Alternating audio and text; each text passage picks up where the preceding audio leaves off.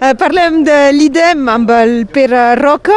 Aquí al Soler encara esteu en plenes obres eh, perquè tot ha de ser acabat d'aquí finalment poques setmanes. Poques setmanes, normalment eh, totes les obres es tenen d'acabar finals de maig, començament de juny, nosaltres ja començarem a fer tots els tràmits de canviament dels locals i...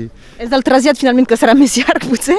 Bueno, més llarg no, perquè són obres que duren de fa més de dos anys i mig, i nosaltres ho farem en dos mesos, molt ja cal, calgut encara un petit mes de més, però bueno, no, ja trobarem el temps.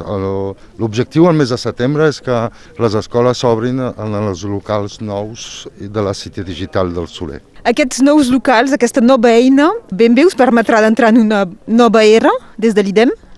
Esclar, perquè ben segur quan treballes amb, amb MESA nosaltres hem pogut col·laborar en el projecte que permet també donar uns àmbits educatius i pedagògics a l'orientació de les aules, en els tallers tècnics, doncs ben segur que estarem en un nivell de, de confort d'escola i d'ensenyament de, molt més bo.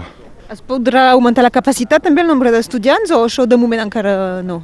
Bueno, ens donarà la possibilitat de fer molt més coses amb molt més persones, però l'objectiu també de l'IDEM és de quedar una escola a escala humana i de continuar a treballar amb la gent i tenir una, una relació i un contacte fort perquè l'educació és, és també no és únicament transmetre un aspecte tècnic, és també donar una educació professional i donar una emancipació, una maduració de, de l'estudiant cap al futur professional. Doncs tampoc, nosaltres l'objectiu no és pas de doblar, de doblar els números, és de treballar amb millor confort i eines eh, adaptades.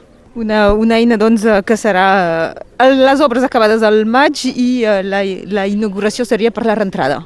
Sí, sí, farem inauguració a l'entrada, però mitjans de setembre l'entrada de tots els cursos de l'IDEM es faran en els locals nous. Pere Roca, moltes gràcies, fins aviat. Gràcies a tu.